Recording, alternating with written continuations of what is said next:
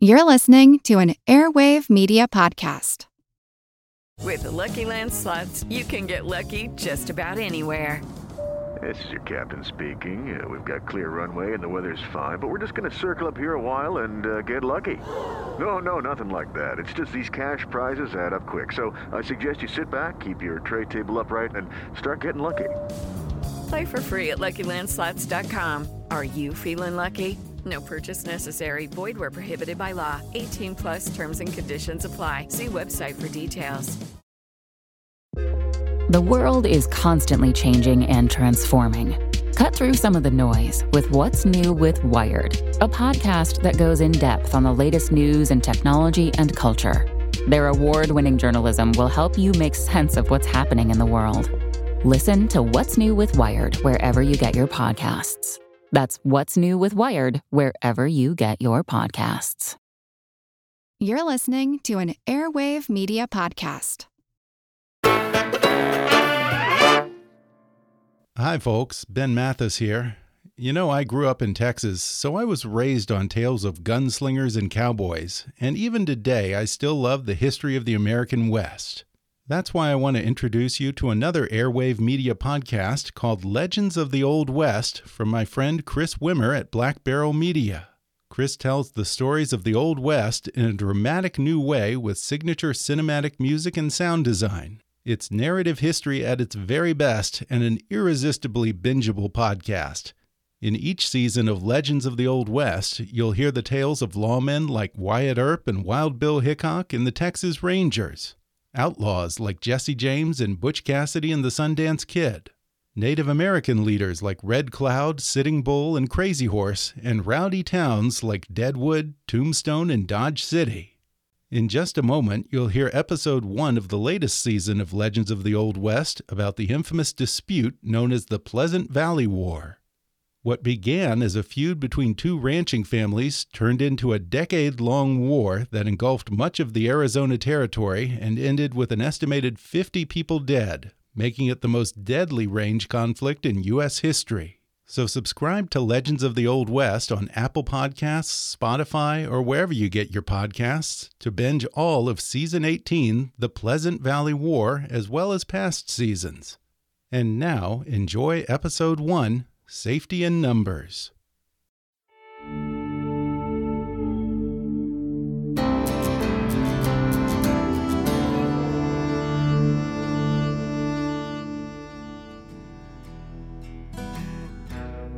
It wasn't just a family feud like the Hatfields and McCoys. It wasn't just a range war like the Johnson County conflict in Wyoming. And it wasn't just hostilities between homesteaders and indigenous peoples in the southwestern United States. The Pleasant Valley War was all of those things.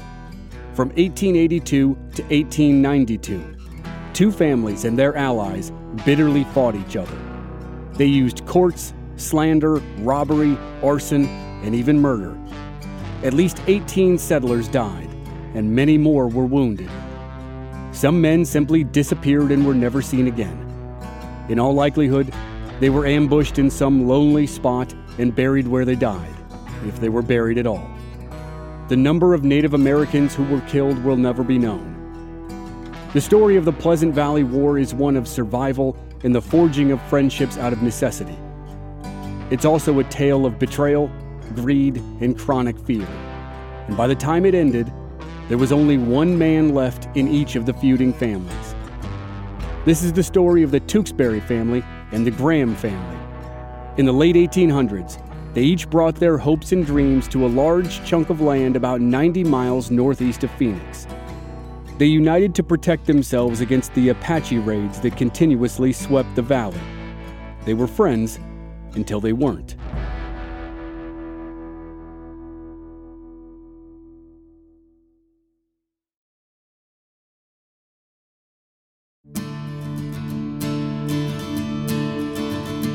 From Black Barrel Media, this is Legends of the Old West. I'm your host, Chris Wimmer, and this is a six part series about the bloodiest feud in the West the Pleasant Valley War. This is episode one Safety in Numbers.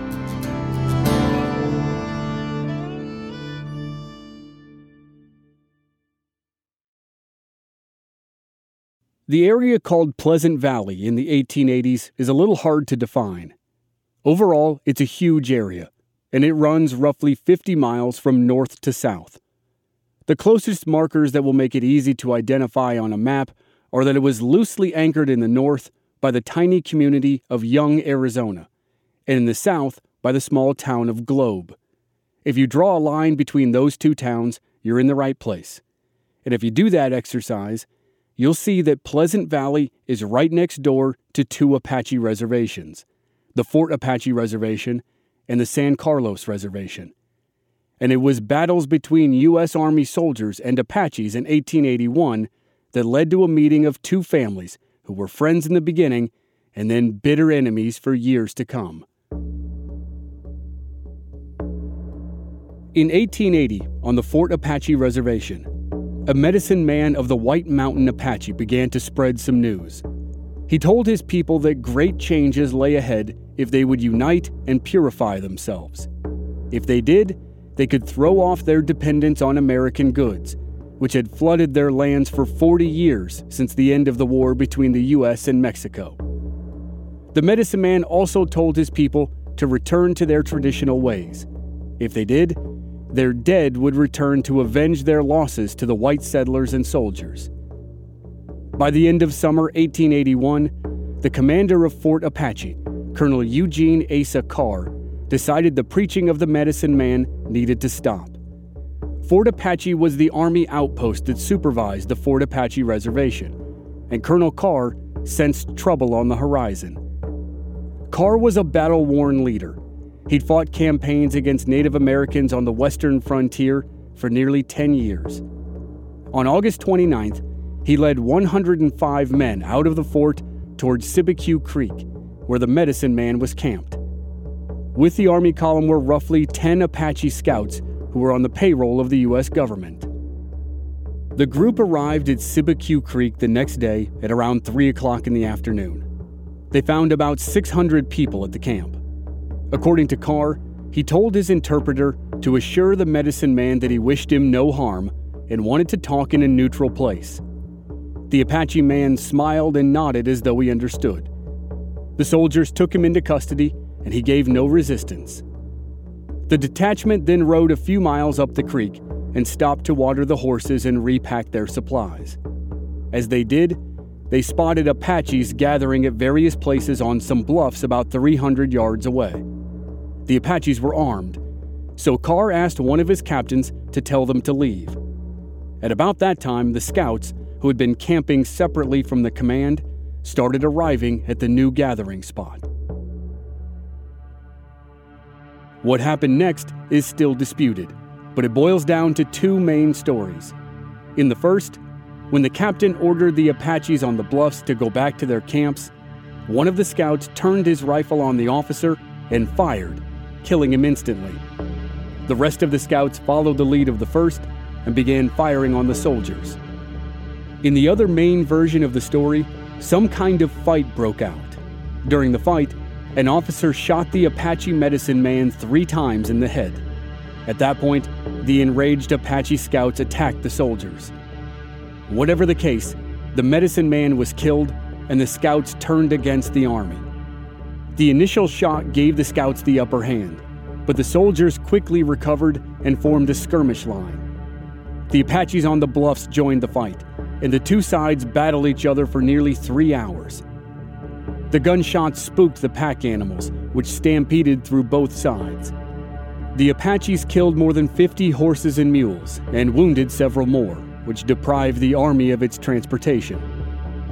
As night started to fall and the shooting stopped, the soldiers decided they couldn't hold their position any longer. The only way out of the camp was through a place called Bad Canyon. The men hastily gathered their dead and put them in a large tent that belonged to Colonel Carr. Then they gathered ammunition and saddles and left everything else in plain view. They tried to make it look like they were planning to spend the night. Then they quietly crept away a few at a time. Colonel Carr force marched his troops some of them badly wounded, back to Fort Apache. They finally reached the post at 4 in the afternoon the next day. They were beyond exhausted, scared, hungry, and thirsty, Carr had badly misjudged the effect of silencing the medicine man. It didn't take long for news of the Battle of Cibecue Creek to move west to Pleasant Valley.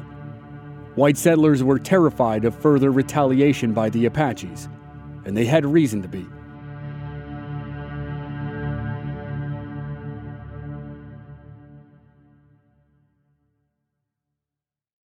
When news of the medicine man's death reached the San Carlos Reservation, Geronimo raised a party of about 50 warriors.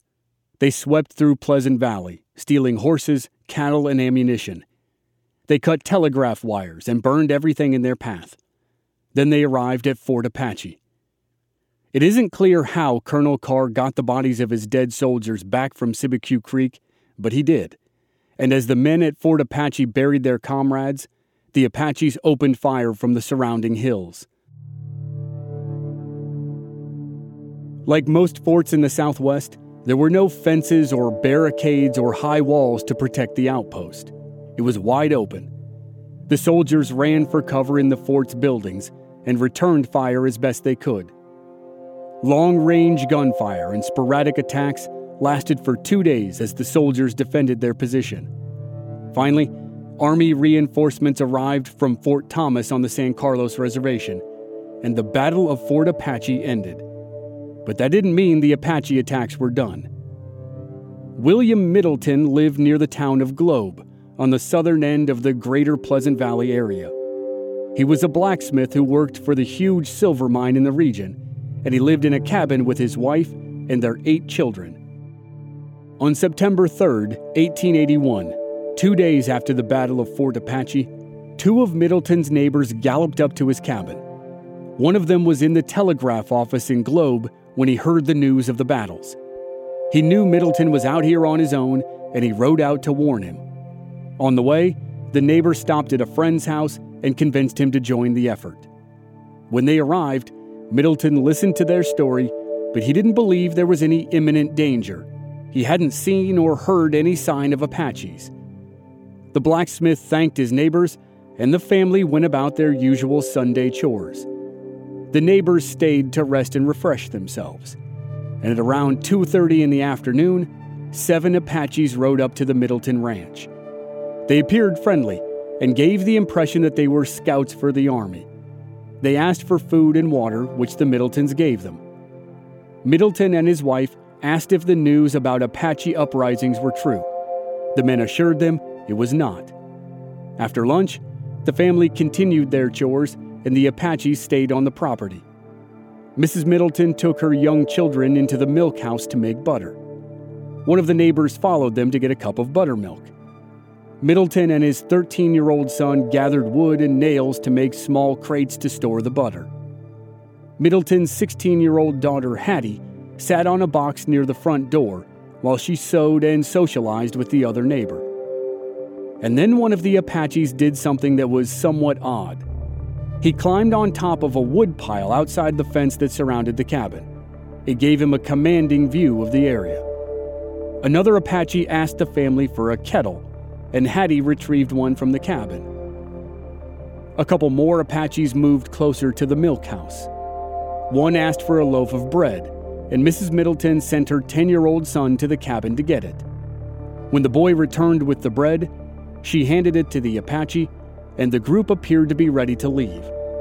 But then, the Apache on the woodpile yelled something, and the men opened fire.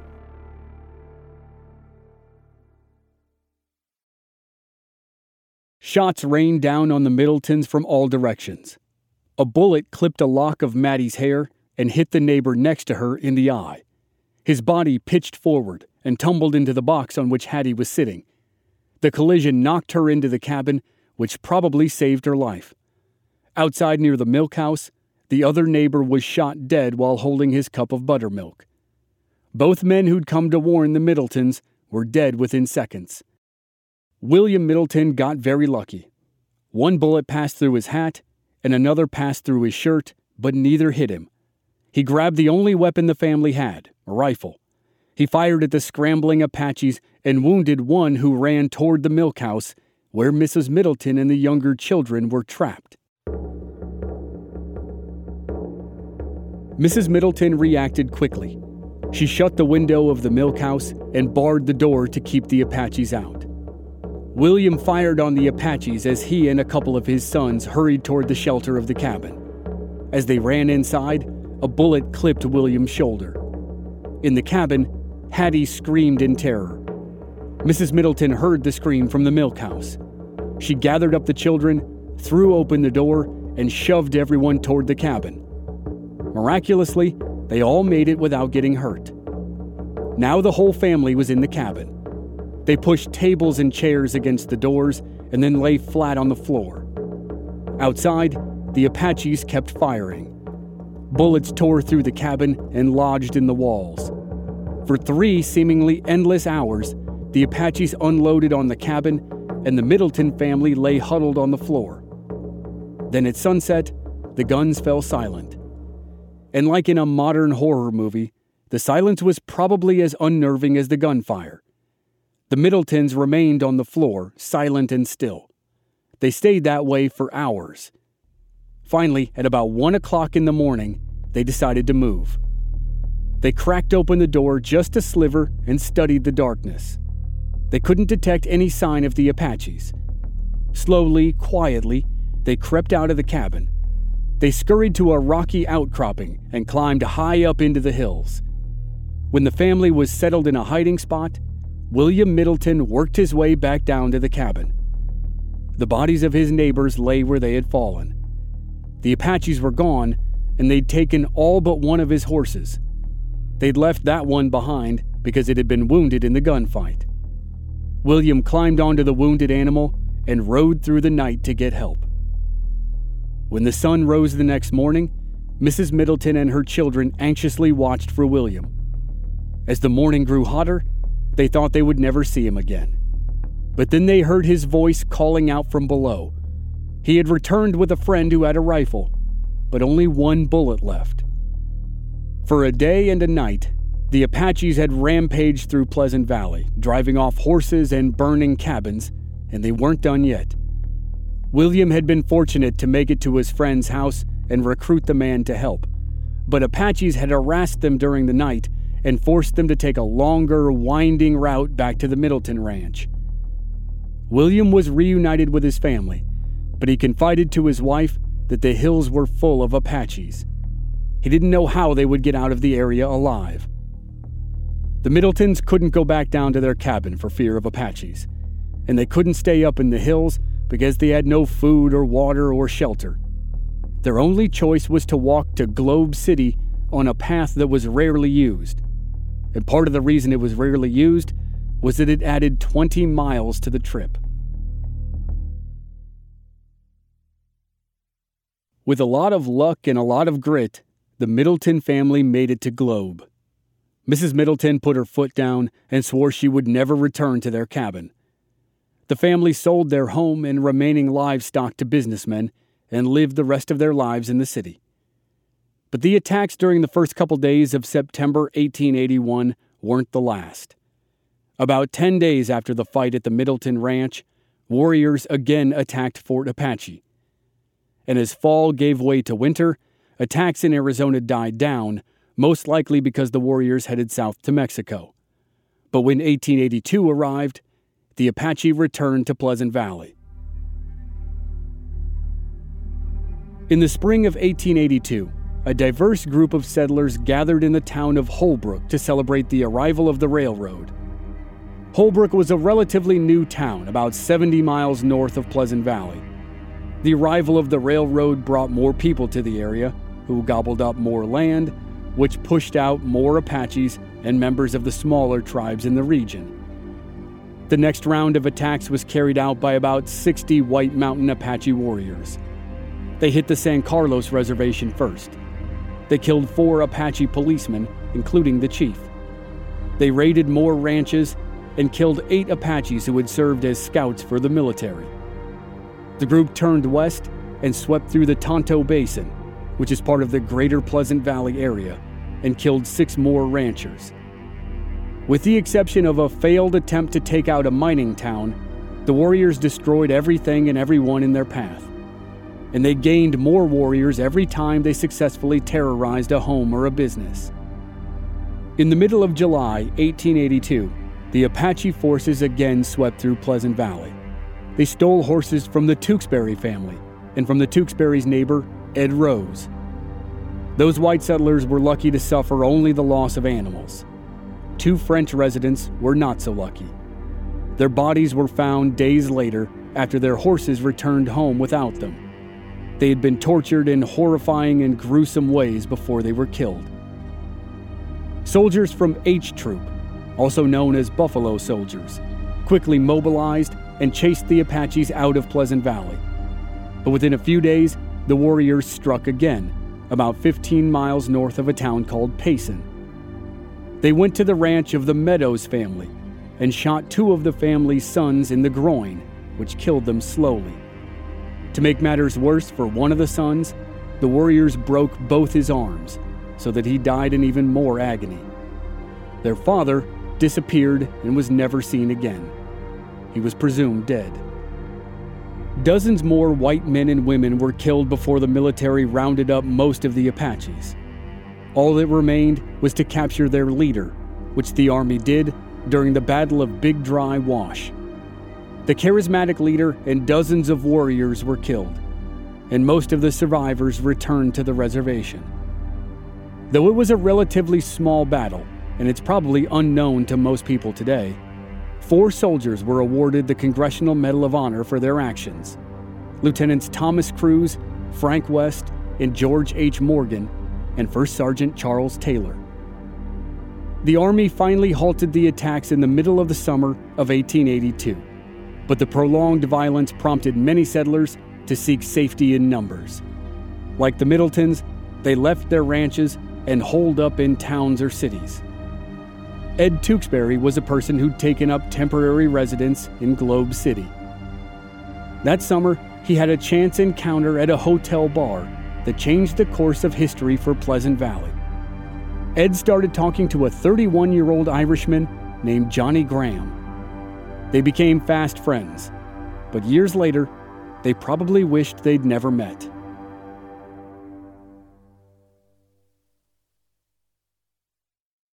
The recent Apache assaults were likely the reason Ed Tewksbury left his ranch in Pleasant Valley to stay at a hotel in Globe City.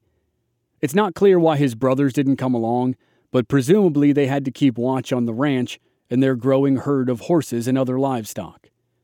There were five kids in the Tewksbury family four boys and a girl, and we'll hear more about them in the next episode. But right now, in the summer of 1882, Ed Tewksbury met Johnny Graham, and they quickly discovered they had a lot in common. Both lost their mothers at young ages. Their fathers eventually remarried, and stepbrothers and stepsisters were added to the mix. For both families, it made for very crowded households. The Graham family was living in Iowa when Johnny and his two brothers decided to make the long journey to Alaska to strike it rich in the gold mines. When that didn't work, they went to California, and they missed the gold rush there too.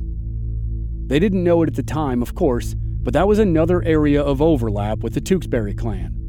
The Grahams and the Tewksburys were both living in Humboldt County in Northern California at the same time. For about 10 years, the Grahams scratched out a living in the logging industry. But by 1880, it was time for another change, and Arizona was a booming territory. Silver mines in the southeast corner were quickly turning the town of Tombstone into a melting pot of people of every description, including famous lawmen and notorious outlaws. The Grahams gave the mining industry one last shot. They arrived in Arizona in 1880 and immediately staked out three claims. They put in two more years of back-breaking work before they gave it up for good. It was time to look for something different.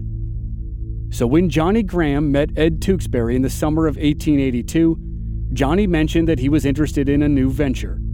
He was curious about the cattle business that had emerged in central Arizona in the last few years. Johnny had heard that cattle could command as much as $40 a head at market. The Tewksbury family was in that very business. So Ed invited Johnny and his brother Tom to come to Pleasant Valley to take a look. Ed said there was work available on Jim Stinson's ranch. Stinson was the cattle baron of the area, similar to John Chisum in New Mexico. Johnny Graham jumped at the invitation. He was obviously concerned about the Apache raids in the area, like everyone, but when Johnny and Tom saw the grasslands and flowing creeks and cattle herds in Pleasant Valley, they figured it was worth the risk. Within a few months of meeting Ed Tewksbury, the Graham brothers moved to Pleasant Valley. And the Grahams were welcome additions for the Tewksbury brothers. Neighbors were spread out over a vast area, so it was nice to have friends in relatively close proximity. The Grahams set up on some land about five miles from the Tewksbury Ranch, and the Tewksbury brothers helped the Grahams build a one room log cabin to get them started. Jim Tewksbury, one of the middle brothers, helped the Grahams move their new herd of cattle on a two day cattle drive. So the Tewksburys and the Grahams were helping each other and getting along well. And by hearing that sentence and all the talk of friendship and camaraderie that came before it, you've probably guessed that we're about to take a turn. And you'd be right. The good times weren't going to last very long.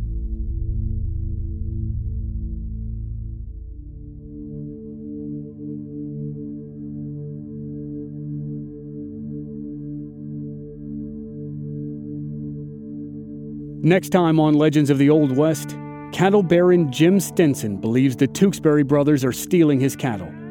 He sends men to confront the brothers, and the situation turns bloody. The Graham brothers support their friends, the Tewksburys, but it'll be the last time. That's next week on Legends of the Old West. And members of our Black Barrel Plus program don't have to wait week to week. They receive early access and the entire season to binge all at once with no commercials. Sign up now through the link in the show notes or on our website, blackbarrelmedia.com. Memberships begin at just $5 per month. This series was researched by Julia Bricklin and written by Julia and myself. Special thanks to historian Eduardo Pagan for his help during this production.